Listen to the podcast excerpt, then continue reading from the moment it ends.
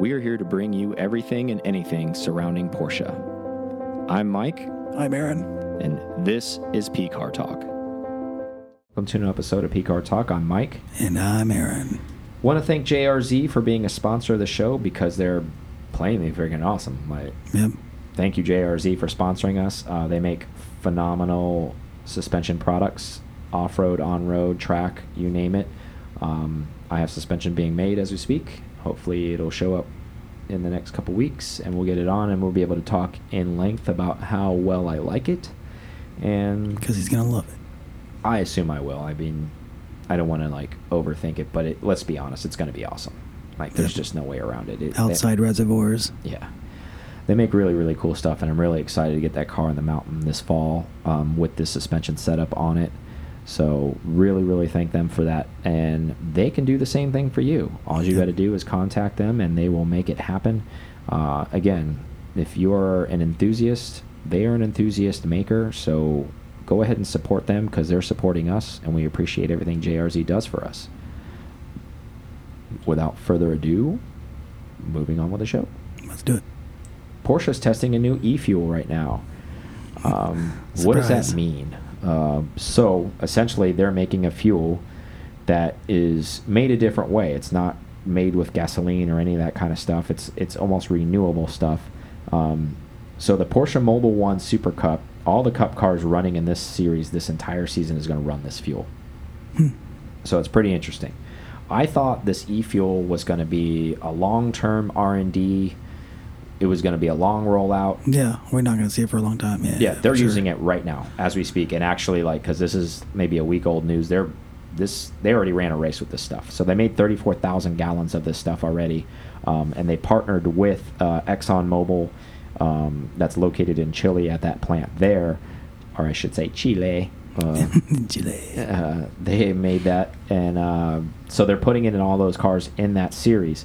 Now they wanted to make uh, very clear that this is not the final form for this e-fuel. Mm. This is the first iteration, but they're expecting even with this first iteration, it's 85% less emissions than current gasoline.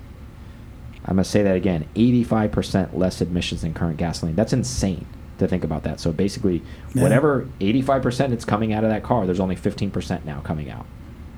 So That's going to make for a really cool hybrid 911. yeah, so they're par- Porsche's partnering with ExxonMobil um, on this project. I'm sure at some point Porsche will have their own plant, as we discussed on a Mm. previous podcast, built. So maybe that's why there's a partnership right now. So I'll give you the breakdown for the people that are on the the chem side of the world or have that kind of brain that can follow this real fast. Um, it's going to be basically this plant splits water into hydrogen and Yep. oxygen, and then CO2 is filtered out of the air and processed with the hydrogen to create a synthetic methanol. Isn't that like sublimation? Isn't that the same thing? Exactly. Yeah. Uh, from there, a secret, a non-shared, so this is in-house, so they couldn't share this. So ExxonMobil methanol process to gasoline takes place. Um, what that is, obviously can't be shared. So it creates renewable gasoline at that point. Um, so it's burnable fuel after this process. Obviously, they can't share it for proprietary reasons because I'm sure everybody's probably chasing their tails trying to get this done as well. every- everybody's doing that. Yeah. Um, so, very cool that this is happening. A lot of R and D. It's probably still going to go into this. Um, there was some pricing behind it because obviously we're in the U.S., so we do gallons. Um, but they were saying as of right now, if this was sold on the, on the street level, um, they're thinking what pricing would be behind this is about two dollars a liter. Um, I did the research about we're paying about ninety two cents a liter Mhm. on premium right now, so it's almost double what premium would be. Yep. However, the point of this is is it's going to extend um, combustion engines for a long time, at least in theory. Um, because if it breaks down to an EPA situation where you have a combustion engine and they're saying, well, your car you cannot, just have to use his fuel. you can't admit so much. In, in fortunately for Florida, you know we don't have those things, but you have to get tested every year. But if you're running this fuel and you're producing that much less, so it doesn't matter if you have a combustion engine if you're producing that much less So what I'm emissions. hearing is I can run a race octane in my car, and it's essentially. it's being perfect. It's, it'll probably run more it's, efficient. it's supposed to run, run cleaner, way clean. cleaner, 85% cleaner. Even if it doesn't get any better than this, they're using it in actual racing settings. This isn't like some like, oh, we're going to just run some test laps. They're Mhm. running it in a series, and they're requiring everybody in the series to run this fuel so they can do R and D on it. So you think the electric car dies right now? I don't know if it dies. I think it's I and we talked about this before. I think they live side by they, side. They comming. They, yeah. I think they have a Coexist. coexist, um, and I think it's for the people who. There's a lot of people who just want that silence, and that's fine, and they want to run that, and and we can get into the depths of why electric cars are bad for the planet too, because you got to bury that battery, and it's a bomb, and we all know that other stuff, and But weirdly enough, it's gonna do what we were talking about. Like, it's, I think it's gonna save their seventy percent of cars on the road. That type deal. It's gonna save Of Porsche's course. absolutely entire market. It's going to save their race program. It's going to Yeah. save their GT cars. So this is, if if this isn't impacting you as a listener right now, let it sink in for a minute because what this is doing, because, I mean, this essentially it exists already, and they just need to start putting us in stations essentially at some point once all the Mhm. R and D's done, and you can run this in your car. And if they're running it in race cars in a series, obviously your car is going to be fine with it. So this is basically I don't know, kind of like a lifeline to keep would- combustion engines on the road for a longer as- period. Is it is it indefinite now? No, probably not because there's still Yeah. going to be some point in some some world or some decade or era where a combustion engine is not going to be legal on the road anymore just because they're going to say there's just no maybe from a sound ordinance or whatever Mhm. there's like no your car needs to be EV not even because of emissions but just because of sound decibels or whatever they want to get into who knows what the rules will be um, however if it's based off of emissions meaning cars allowed on the road this if if your car's only producing 15% of what it used to do as admissions i think that passes almost everywhere and even in the most greenest areas right because I would imagine so. but there are some places like hoity-toity France, um, as we know, they've passed some interior law within Paris of saying zero combustion engines um, within the city ordinance, whatever year they decided. I, I, I don't have the numbers, but like they've already decided that. So even with this fuel, you still couldn't run it because so you have then, combustion so engine. then electric cars are there. yeah. Yeah. Or no cars. Or, And, and this goes to the boating world and more specifically to places like um, more Florida, I guess. If you do flats fishing and there's an estuary or preserve, and I, I fish a lot, so I, I know this, and this is pretty obscure knowledge, but there's also there's a no wake zone, which pretty much a lot of people, if you've ever been on a boat, are very familiar with. But in all these other estuaries, there's a no combustion zone. So that means you have to run an electric trolling motor in those zones if you want to move your boat around because it wants to protect the wildlife. Because even if your boat is, and most boats exhaust underwater, um, so it's putting exhaust fumes in the Poisoning the water. water. So essentially, they don't want your boat running at all, and you want you running your electric motor in these non-combustion zones. And usually, it's shallow water fishing in Florida in these areas where these estuaries and these fish lie in this shallow water. When you go fishing for them, I would imagine I'm comparing this. There's going to be places in certain cities where you're going to have to have a non-combustion car, and where that where does that work? Well, now the hybrid comes into play, Yeah, right? say, now well, the hybrid, yeah. if you can switch the combustion motor off and run those EVs, now your car can do dual du- duty. Now you're there and you're in in the ordinance of the area, and you shut the motor off, and you have maybe 40 miles of non-combustion usage, so you can get the into city. the city, and then you can get out of the city and fire the motor back up and do your thing. I or think stay, so. Or stay in the city and just keep it. I mean, Yeah, you can just do your But I- commuting what- you need to yeah, do. what I'm saying is like Yeah. whenever your mileage is out. What I'm saying is when you go into these zones, um, I think so. I think what I really think what this is going to do is really pump up hybrid stuff in the future. Is I what I gonna really say, think. Where, I was Where gonna- we should have been at anyhow in the very beginning, because honestly, both of these cars they need both, Yeah. in my opinion. I was gonna think, well, maybe we could skip it and not have a hybrid anymore. But then now that kind of makes more sense for Yeah, larger cities with zero emissions. yeah, and non-combustion zones, Mm. and or whatever they just deem. It's the same thing, just called something else. Yeah. Um, so, yeah, I think it's, and then for the rest of us, that maybe you don't ever live in any of these zones or ever have to go into one of these zones. Maybe you can have your your air cooled still and still be able to run it, Oh, but now you're running it cleaner Yeah. as opposed to what you were running it before. in California, you guys won't be stuck with 91 anymore. Maybe you guys get your 93 or 100 or yeah, whatever, whatever the a- octane yeah, is. run a different tune on your So car. that, that helps. knows? That helps out a lot of people. Yeah, run a different tune on your car. Um, obviously, very very exciting stuff. A lot more stuff to come out with this car. I mean, car. Excuse me, fuel. Um, yeah, yeah we're building we're building cars already. Building cars. In my mind, GT I am. cars, yeah. But I think this is super exciting for. And if you're listening, obviously you're a car fan.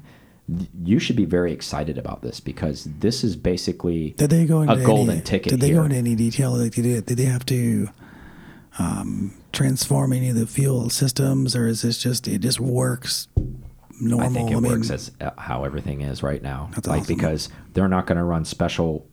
These are the cup cars that are running in the U.S. They're not running anything different, anything special. They're going to run all that stuff. So, I, cool. well, I guess yet to be determined because there'll be there's going to be R and D that comes out of this. It could grenade motors. We don't know this. Who knows the longevity on this? Yeah, maybe the car runs on it, but it only can run 100 miles, and then you throw a rod. Who knows? You know, got service hours with your e-fuel. The point is, is that it can run at all, and, and going down the road. Well, and it's it- racing. That's- yeah, that's exactly, thing, yeah. and that's why they're and, as Porsche always does. Yep. They test stuff in the race bed, and if it can last on the racetrack, it's definitely going to be fine on the road. Um, so, I'm thoroughly excited about this just because of what this means for us as we age, Yeah. and then everybody else is aging and loving combustion on engines and, and sounds and things like that. In addition to that, if you're a race fan, to go a little bit further, what this could do for race series and endurance racing and cup series and all this other stuff that could still run combustion engines if this fuel provides what they think it's going to provide and then they don't we don't need to listen to Yep. you know these little whirs that go around the track and all this other fake stuff that ends up happening you know where they make pump noise and all Formula like E we're just going to end up we're going to still hear real racing Yep. in 20 years and 30 years and all this kind of stuff e-fuel. exactly and imagine what that could do for a series like IMSA or like what that could do for that, the longevity of that series and like places like Le Mans that are so historic Mm. to not have to run e electric cars out there and, and do away with all the race sounds and all that stuff. I mean, this really is it's it's, it's insane. It's I'm glad that Porsche is leading the charge. Or at it's least the seems like it. it's the silver bullet if this thing passes all of the stuff they're hoping. I, I don't want to get too ahead of myself and, and saying it's it's going to be there. Obviously, there's still got to be some R and D, but it's really exciting that well, the fact be, yeah.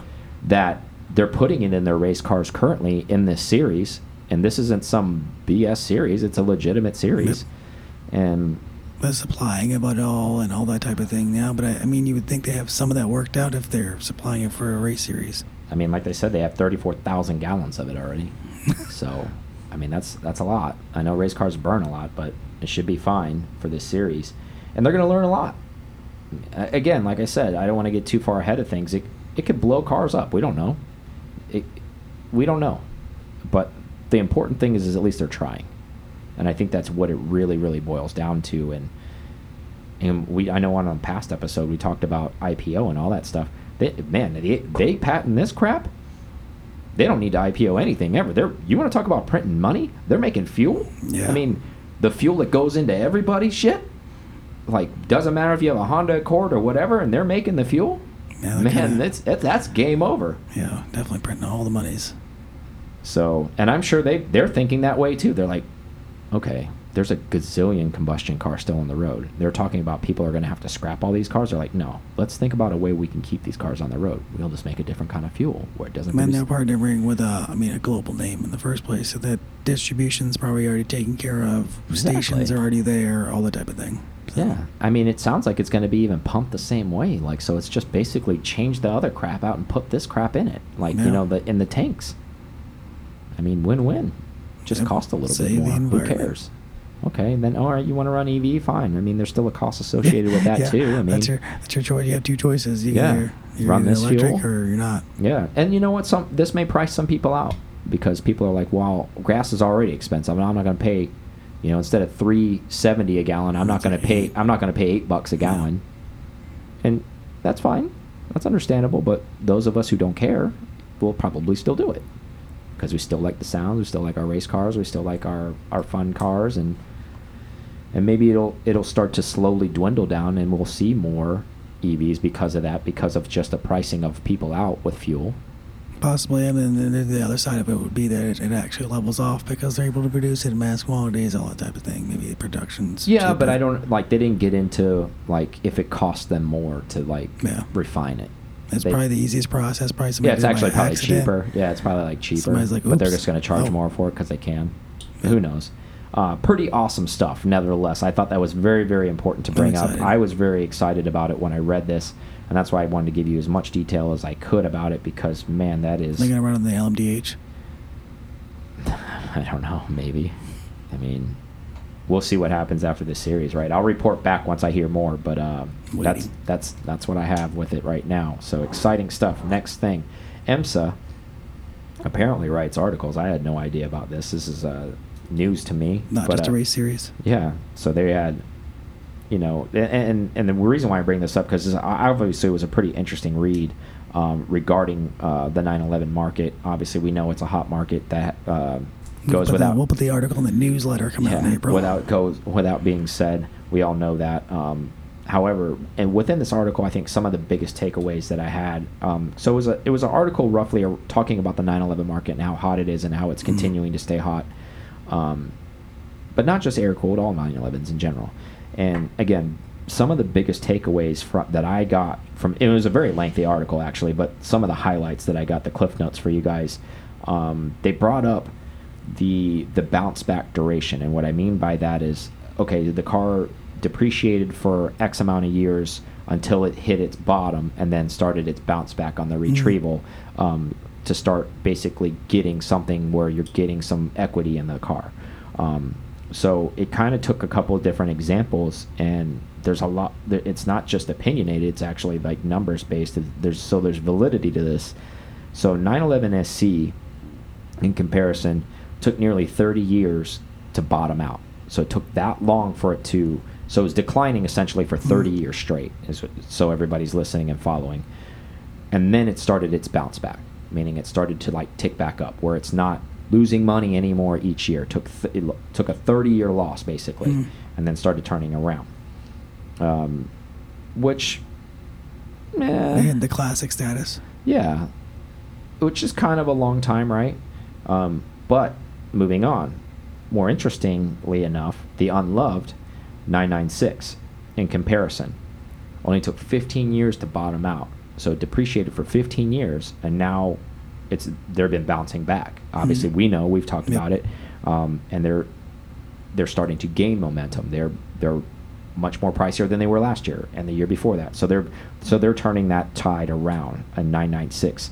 So half the time Yep. in the 996, which is and, and I find that to be very interesting because you're shopping air cool, but 996s were on love for so long, and now their bounce back was in half the time of a classic 911, Yeah. essentially. So moving to the next category, and the final one was 997. Um, their bounce back was even less than a 996. So they depreciated for about nine years, and now they're gaining money. Um, you have a 997. Yep. Um, so I find that to be interesting, and so each generation, and, and we're, we're talking about something relatively modern. I feel like everybody's So trying to guess the next classic. That could be Like- part of it. I I think there's two uh, two things. Um, the first thing is we all saw the air cooled market, and as it continues to do, it's going up. So the water cooled cars and the the older stuff is still at a price point where the old, the old air cooled stuff is at. So that's that makes it appealing in that in that sense. We also have all the social media and all the forums and everybody that keeps talking about. Well, you know what this is going to be. You know this is last. You know 996 first generation like this Mm-hmm. everything, you know, throttle cable, all that stuff. Hope 997, I like looks of a little bit more. Still's got some power stuff to it, you know, still hydraulic steering, all that stuff. Yeah. Let's do that. Uh, I think it's a couple things at play, but it's good to hear that the that all the all the boats are rising. I guess. Mm-hmm. And you and you beat me to it. I was going to ask you why do you think this trend is shortening, and you hit the nail on the head where my headspace was. And I think that one of the real big reasons behind it is um, the same things you you reiterated, but I'll just kind of like elaborate a little bit more. The water cooler. I think I think the uh, that's part of it. I wasn't going to mention that, but I think what it really is is that well, we joke around a lot about it, but the reality is is the price is the price. Um, and what I mean by that is the air cooled, where people are maybe even younger people or older people. Maybe it's their first 911 or it's not their first 911 and they've been in the game in a long time and they don't they don't value an SC at 65 70,000 dollars. So they're going to take 50 of it or 60 of it and go buy a 997 Carrera S because they value that car to be more because maybe they think they deserve more for their money, which is understandable because yep. it's your money so you can basically move it around it however you want. And what I mean by that is they are thinking, okay, well, if this classic costs this much, I don't really feel like I, if they don't feel like a classic person and they don't feel like that car gives them the vibes that they want and they don't care about that, they're like, this this newer car has way more horsepower. It's still manual. It still has a lot of those feels, but it's just a better refined thing than that thing. It costs the exact same as that. Yeah, so I'm more. So well, I'm getting at it is yeah, and I mm -hmm. think that that is pushing some of this 996 and 997 mark and that's just my opinion not saying that they're bad cars mm. i think they're great cars but i think because the classic market has priced a lot of people out mm. or not priced them out in the sense of okay i can't afford that but price them out in the sense that that money doesn't make sense to me yep. where now they're shopping and we've talked about this many many times before when we play this game of like well if you had $150000 what are you shopping because what it ends up doing is yes they're not the same cars and they're not even close to being the same feels you're never going to get the same feel that you get from an air cooled that you do from a water cooled and they both do different things totally different things for you. One's going to be quicker around this way the one's going to do something like this but you're going to get different vibes from that. We all get that that and but what i'm getting at is maybe those vibes for each one of those cars don't really matter for that person. Now they're just shopping for basically price. They're like, look, I want a 911. I would have loved a classic 911, but I think my $55,000 is better spent on a 996 turbo or a 99, you know, 997 C2S or whatever it is. Yeah, $55,000 turbo, 996 turbo, you're doing really good right now. Yeah. Or, you know, $60,000 yeah. SC that needs a lot of work. And if you don't have those you don't have that strong desire to be a classic kind of guy and you don't really that doesn't really do it for you. I can see why this this has changed that market a little bit those 996s and 997s because they're kind of classic 911s too because they haven't they haven't got the the real bulkiness where it got when it stepped up outside of it. When it went 991 and they started getting really chunky and all that kind of stuff. And i get that. Um, no electric so, steering. Yeah. there's still you can still almost call it well you can it's still now it's classic but it's classic water cooled yeah and uh, and the second one i support what you what you said is i think we live in a different era where information travels very quickly now um, social media yeah. um, all of those other things that we didn't have 15 years ago let's be honest there wasn't Podcast. instagram there wasn't all that stuff you know where people weren't paying attention to all of this stuff or mm. or it, just information in general travels so much faster nowadays i mean that's why paperback is dead. Stuff goes to print and comes out in one day, and now it's hit millions of people in, in an hour, as opposed to like, okay, well, we're going to get it delivered to you, then it's going to show up, and all that stuff. And like, still happens. Pe people just want more, yeah, more, I mean, more. I think the only reason they even do print is because the uh, New York Times bestseller yeah. list requires well, yeah. paperback. But yeah. But I just think in general, like they're still nostalgic readers, and that's and I get mm-hmm. that. But I'm not even going to go down that path. What I'm getting at is people want to consume more quicker. And yep. I think that's what the second level of this is, is where people are reading more information about cars. Maybe guys that Get getting it. their first 911. Think about what you had to do before, back in the day, before social media and all these articles are printed on the internet and all this stuff. You had to go buy a car magazine. You had to go read about it. You had to actually do some hard research. Now you can go sit on your couch, have your YouTube going on in the background, watch videos of 996s, watch videos of old SCs. You, what I'm getting at is there's so much more information, so there's so many more people figuring out what they want right away, and taking the dollars that they do have and applying it immediately to something that makes sense for them. So as opposed to before, we're like, oh man, I just don't have the time to figure out what's the right car for me. Oh, I'm gonna drive my buddy's car. He's got one, so maybe I'll buy one because he's got one and he likes his. Maybe I'll drive his car and that's cool. And it, it what I'm getting at is the process used to take a lot longer. Yeah. Now things are moving a lot faster, so people are like, "Oh, hey, I want a classic car. Okay, well I'm gonna go hunt one. Oh man, there isn't that many of them. Shit, I better buy one." And I think it's a combination of all of this stuff. Um, I think it's great for everybody who has one. Um, it sucks for everybody who's shopping one. Um, and that's always been the thing is like, if you're a buyer, it sucks because you're having to pay a premium. And we've said it before on past shows. If, if you're on the fence, and Aaron's one of those people on the fence, and you know, we'll, we we throw full disclaimers out there. We're always shopping cars. I'm shopping secretly a GT car, but I'm not really buying one. Like, hopefully, I have to move some stuff around to make that happen. But I'm watching that market go up as in flames right now because it's going up, and I want a GT car, but I'm gonna have to pay probably 20 grand more than I had to pay a couple years ago for one, which is pissing me off internally. But that's a struggle that I have to deal with. Yeah. Um, just like realize that they're they're better than they thought. yeah, or the trends. You know, people start Yeah. make money at different points in their lives. Who knows? You know, you have a lot of people in their late 30s, early 40s now that maybe want to reward themselves, and there's a whole gamut of reasons why this is happening. But the point is, is it, it's happening. It, it, you know, we can speculate all day why it's happening, and it doesn't really doesn't matter why, because we're here now. We're here and we have to deal with it. So what we have to deal with is, do you want to pay the price or do you not want to pay the price? It's that simple. It really is. And if do you want to spend 60 on a air cooled or do you want to spend 60 on something water cooled that you like anyways? But I always challenge somebody buy it because you want it, not because you think you're going to make money on it. And you'll always be safe. Because if it doesn't make money, at least you'll Still be happy. with You'll it. still be happy with it, though. Is what I'm Yeah. getting at. You'll be happy with your purchase, Yeah. as opposed to being like you're buying. You bought it for the wrong reasons because, as we said many many times, never buy a car for investment reasons. That you'll always lose when you do stuff like that. But buy it because you're passionate about it. And if you were one of those people who passionate about an air cool, but you're shopping it and it doesn't make sense to spend 60 for that and you'd rather spend 60 on a 997 C2S, I'll be the first to tell you that a guy that's owned a lot, a lot of cars, you're still going to loathe to own an air cooled, even though you bought that uh, that newer car. And guess what? By the time you just figure that out or realize that, the price has gone up even more. So if you really want an air cooled, just buy an air cooled. If you really want a water cooled, buy what wa- water cooled. Spend the money. Buy what you really want is what Yeah. I'm getting at. Um, not because you're worried about this you know, price point where like, oh, I got into it, you know, I paid 55 or 60 for a, a C2S, you Yeah. know, 997 and I drove it for 5 years and I made 20 grand. Okay, well that's great if that happened, but if it doesn't happen, don't don't piss your pants about it, right? The water cools are going through the roof. Yeah, exactly.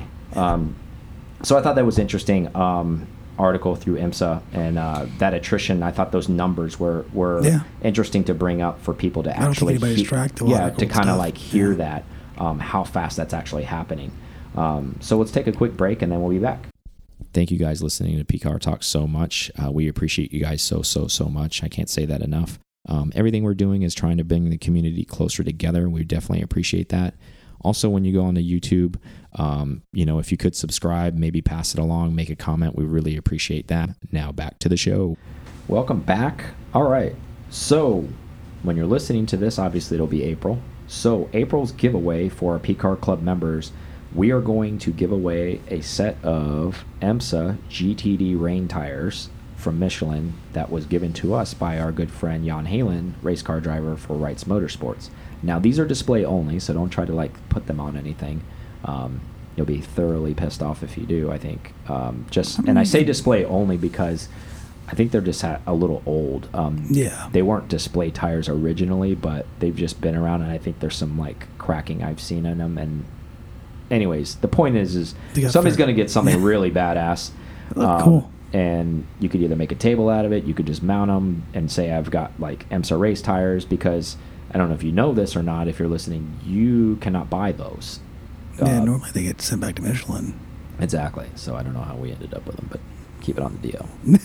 Um, so hopefully somebody will win them and they'll become Yeah. their problem after that. No, but in all seriousness, you cannot buy uh, any type of actual race tires unless you're in a race series and you're and you can pro- provide that you're in that series and you can purchase these kind of tires. Other than that, um, these are off limits to just kind of like I just had a Pirelli's one time. commoners like us to just buy them for G Wiz because honestly they're race stuff and if you're not racing it's they're not selling them to you so there's no purpose in that and then if you don't know uh, like Aaron said a lot of these tires go back anyway so you're really renting the tire because what they do is they actually do R&D on these tires. If they want to know why some of these blister faster than others so they go back and they do research on them um, so this is a very unique opportunity uh, to get some bit of race vintage stuff. Local pickup and only, it's right? kind of yeah exactly.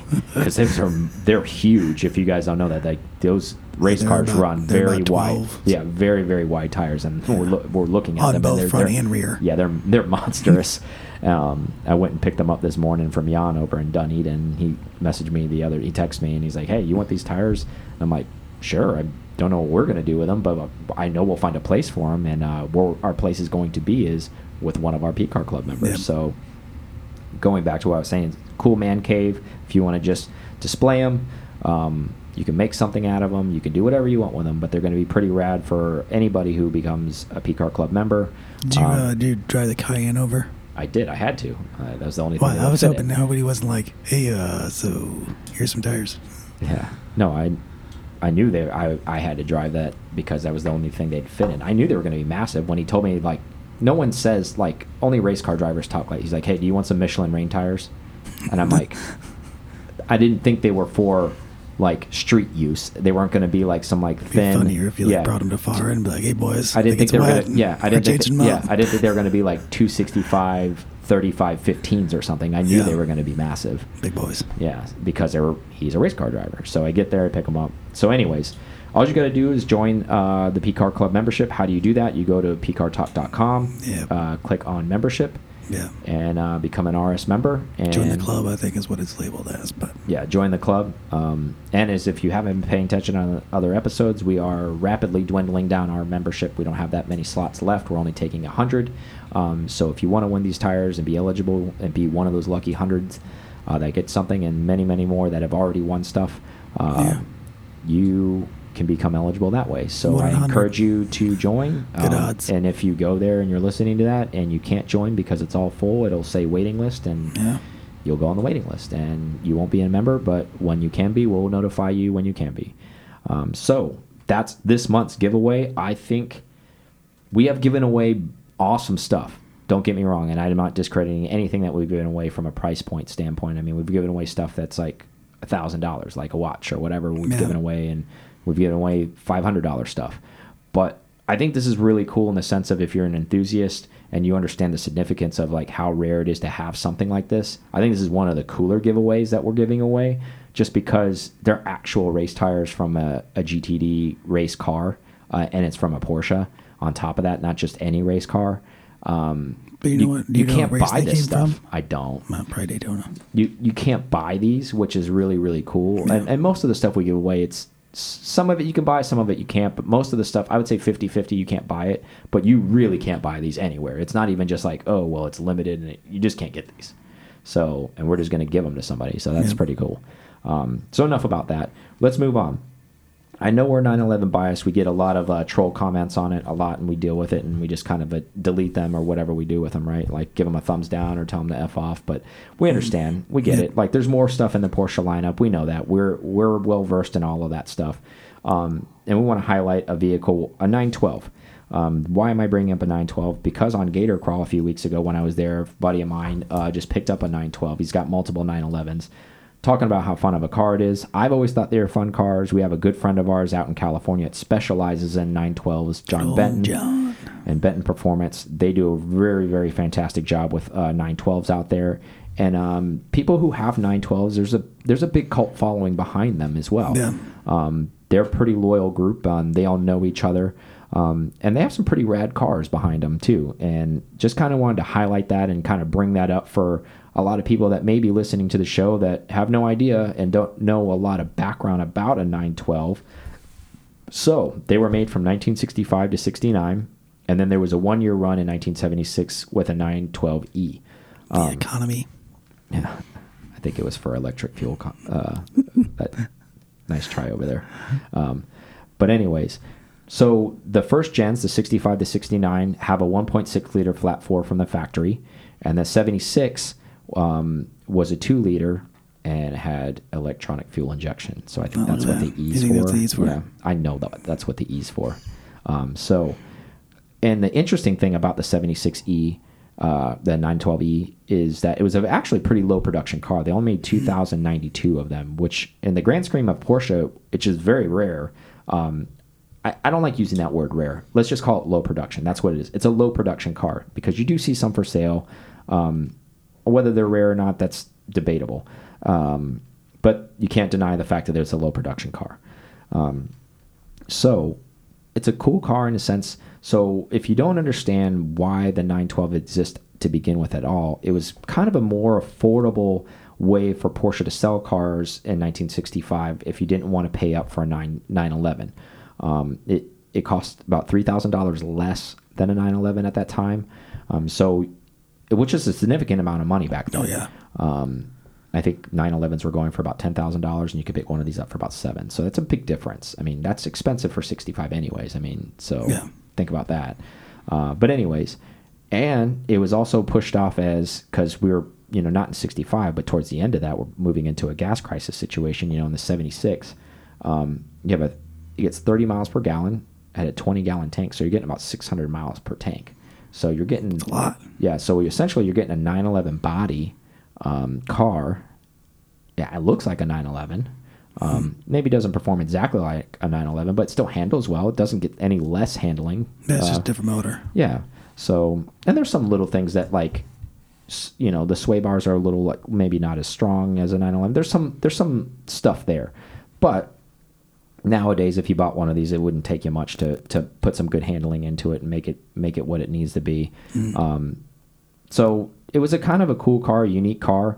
Um, obviously, it, it was, and if you don't know what a and I give you the motor specs, it was a flat four still. Um, so instead of being a flat six, it was a four cylinder. Um, so it still kind of like paid homage to heritage, basically yeah. that heritage of being a flat flat engine boxer style engine, but it was just two less cylinders. Um, so people will say, well, you know, it, it doesn't make a lot of sense. You know, these things aren't that fast. Um, 912s, the theory behind that is it's not really you buy the car because it's quick. But with that being said, that doesn't mean you can't make them fast. Um, early cars weighed about 2,100 pounds. Um, That's that's crazy light it's super light. and that's factory. So if you took all the junk out of it, you could probably cut that 100 pounds, 120 pounds, make this thing about 2,000 pounds. or less. Yeah. So granted, it didn't have a lot of power, um, but that's why you have John Benton. He's a master at this. Um, you send the car over to him. He's pulling pulling about 130 horsepower out of these engines now with the stuff that he does to them. So to give you perspective, you're like, oh man, 130 horsepower now in the like, modern day doesn't up. sound it doesn't sound like anything, right? Yeah. Sounds like crap. Um, so I put this into a, a quarter mile, um, you know, calculator, and it's and not these cars aren't made for a quarter mile; they're made for cornering and all that stuff. But just to put it in perspective for you, um, 2,000 pound. Now this is obviously this is a Benton Performance engine with it with 130 horsepower. Does a quarter mile in 15.6. Um, doesn't sound staggering, Yeah. but it's not slow. Um, and a good comparison for, for all you 911 fans, including myself, and the, Aaron, this would be good for you to hear. Uh, 1985 911, so a G body Carrera weighs about 2866 in pounds, uh, has 207 horsepower, a whopping 207. It runs a quarter mile in a 15.1. So it's only a half a second faster than this Yeah. 912 that I'm talking about. Now, granted, to be fair, that's a bone stock Carrera, um, and that's a a little bit of a stripped down, Yeah, a little bit more uh, yeah, a little hot 912. rodded Yeah. 912. But it wouldn't take you much to get a hot rodded 912, is what I'm getting at. So the reason why I bring this up is because 911 prices are so high. Now there are 912s that are go for a lot, a lot of money. Yeah, Don't get me wrong. are. We have been seeing it. Like Yeah. some of them have been going nuts. But they, what I'm getting at is there are still some deals to be had within 912s. Mm. Um, if you're not one of these people that cares about having the the the name and the cachet of the name and and these big speed guys and all hunt this stuff down and all this crazy stuff 912 may be an option for you. I'm just Yeah. saying think about that. If you're a nostalgic type of person you like this vintage stuff maybe hunt a 912 because you are getting the vintage 911 body still.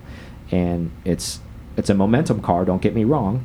Um, you're not going to blow the doors off anybody but if you don't care about that stuff this may be a car for you people out there that are hunting these cars that are still kind of on the outside that are still trying to get into the air cooled club because Doesn't uh, doesn't Patrick Long have a 912? he does and he's a race car driver. See, and guess what his other car is? 356 and Yeah. i know that's slow too. So he just loves it. yeah and this is a guy who goes fast for a living. So i'm just saying he's one of those guys that enjoys the drive Mm. and he loves those cars. Absolutely loves them. And guess where he took his cars? He took them to benton performance and john did some stuff to his 912 and, and woke it up and did some things like that. Um, so with the combination of a low production car um, it not being dog slow if you do some stuff to it um, relatively comparable to like a 911 of the I mid mean, 80s. you're really not going to know. I mean, it, unless somebody tells you that it's a 912, you, Yeah. I mean, virtual sound would be something, but and then the and then on the flip side of this too, um, what what I was going to say, if you did do what I was saying to that 912 to make it what it was, and even if you hadn't modded or whatever, but if you modded it to that, um, 90% of the cars, and I'm talking to all the cars and coffee warriors that are out there, you know who you are. There's no shame in it, but I'm calling you out. yeah. Um, that don't go out there and don't do any track days, and you just kind of putz around, and you know you want Yeah, something that looks pretty, it. and you just want to have a vintage car because you do like cars, but you do Mhm. have a life, and you do all this other crap, and you know you got a family thing, and you do all this stuff, and you're not like this hardcore mountain driver. You're none of those things. Um, your second to third gear pull on a car has 207 horsepower, it nearly weighs 2,900 pounds. And then if your other car, the 912, is 2,000 pounds and has 130 horsepower, you're not going to know the difference. Uh, You're not because they're going to basically behave about the same because that weight to power ratio is about equal. Um, and actually, the 912 may pull a little harder because it's so light, uh, and the quarter mile doesn't lie. Uh, so my Math. point behind that is why I say second to third because that's where you're going to be in most of the cars, second to third, Mm. when you're putzing around town and you're doing your things. And that car looks like a 911. It's probably going to sound a lot pretty good. You put a good exhaust on it. I mean, flat four still sound good. Um, and you've got a vintage car. So it's another option out there. Is the one of the reasons why I bring it up. And clearly we talk about 911s too much, so I kind of wanted to bring and show some light on a 912, uh, a forgotten relic essentially. And um, also wanted to tell you about a 912 because you're hunting air cooleds, aren't you? And I'm I trying am. to save the show here, so maybe you want to buy an air cooled. Maybe maybe, I- maybe you're I a have- 912 buyer now. I don't know. I have looked at it. I, I feel like I'm I'm just like one of those brand people. I just I get stuck in it, or I'm like I'll go to have 911. But I have looked. Because you are like such a road warrior, right? Like you're in the mountains all the tearing it up and you're on track and Yep. makes All the time. sense. Makes Yeah, sense you why know you need a 911. Totally makes sense. I get it. Probably dry the wheels off a 911, wouldn't you? all day. Yeah. Yeah, 912 wouldn't suit you. I would, Nope, couldn't you're, see you're it. too hardcore for a Yeah, 912. that's what it is. Way too hard. Actually, I was thinking about shopping a 912 myself because I just think they're super rad, and I kind of want one. Be a cool compliment to I, you have. I want one that actually is pretty tattered. I want a lot of oxidation on the paint. I almost kind of want a patina monster to. you like, wouldn't know what to do with something. You wouldn't. Have to, you don't have to fill up every three days. Yeah. Oh my God. Yeah. Everything I have just like literally drinks gas. We were like talking about that earlier. Yeah, You that's know, This is okay. Yeah. So like, not to jump too far from topics, we'll close with this again. So like a little sidebar within this. Like, if you're a listener, you're used to this. Um, the best fuel efficient car in my garage right now, which is insane to say, Yep. is the 964. That's insane. Yeah. With all of the stuff that's done in the 964, because the 76 Safari, because of the car, the PMO carbs on that Yep. thing, and that thing being punched out to a 3.2, drinks as much gas as the Cayenne V8. Yep. That's on freaking all terrains as well. That just shows you how efficient the Cayenne is. Yeah, exactly. It, it makes me respect how efficient it is compared to that because, Mm. I mean, it literally drinks gas. And, I, and then I have the Turbo S, which is just a fiend for gas, too. It's like a crackhead. So, I mean, I, I can go fill up at the gas station, which is like 15 miles away, and come back home, and a quarter tank is already gone. And I'm like, what in the hell just happened? It's like, I was thirsty. And I was like, yeah, I know. Time travel. Exactly. But circling back to 912, great car. I actually kind of want one of these because I always think they're they're pretty rad. But I don't want to buy like a blue chip one, and I'm sure you guys have seen them um, going on Bring a Trailer for like sixty, seventy thousand dollars. Yeah, they are. even They're higher. money. Um, especially the ones in special colors like Irish green or a Bahama yellow or any of those things. Some of those are bringing like 80, 90. Um, fully sorted cars. I'm talking about full Yeah. restoed like cherry. I don't want anything like that. I want something that's used. I want it to. Be, I want the. I want it to work. Um, but I I I wouldn't mind if the entire paint situation is all oxidized. I actually prefer that because then I would leave it outside, and then I would daily drive it, which would be phenomenal. Nice. And then I would get actually good gas mileage for Yeah. a change. Not that gas mileage matters because I basically only leave the house to go to the gym. However, I think it would still be rad to have it because it's a very historic car within Porsche's line, and they're never going to see one again. They're never Yeah. making these again. I mean, 70, 76 was an anomaly for them to pump that out, but 65 to 69, they kind of, again, Porsche was very new in making cars then. It was almost kind of a, a consolation to get people to buy the- more cars. Do you think it's the hidden gem in the air cooled market right now? It's hard it's to say. really- it's it's it's hard to say because wh- what I just said. There's Yeah. some really expensive ones still out there.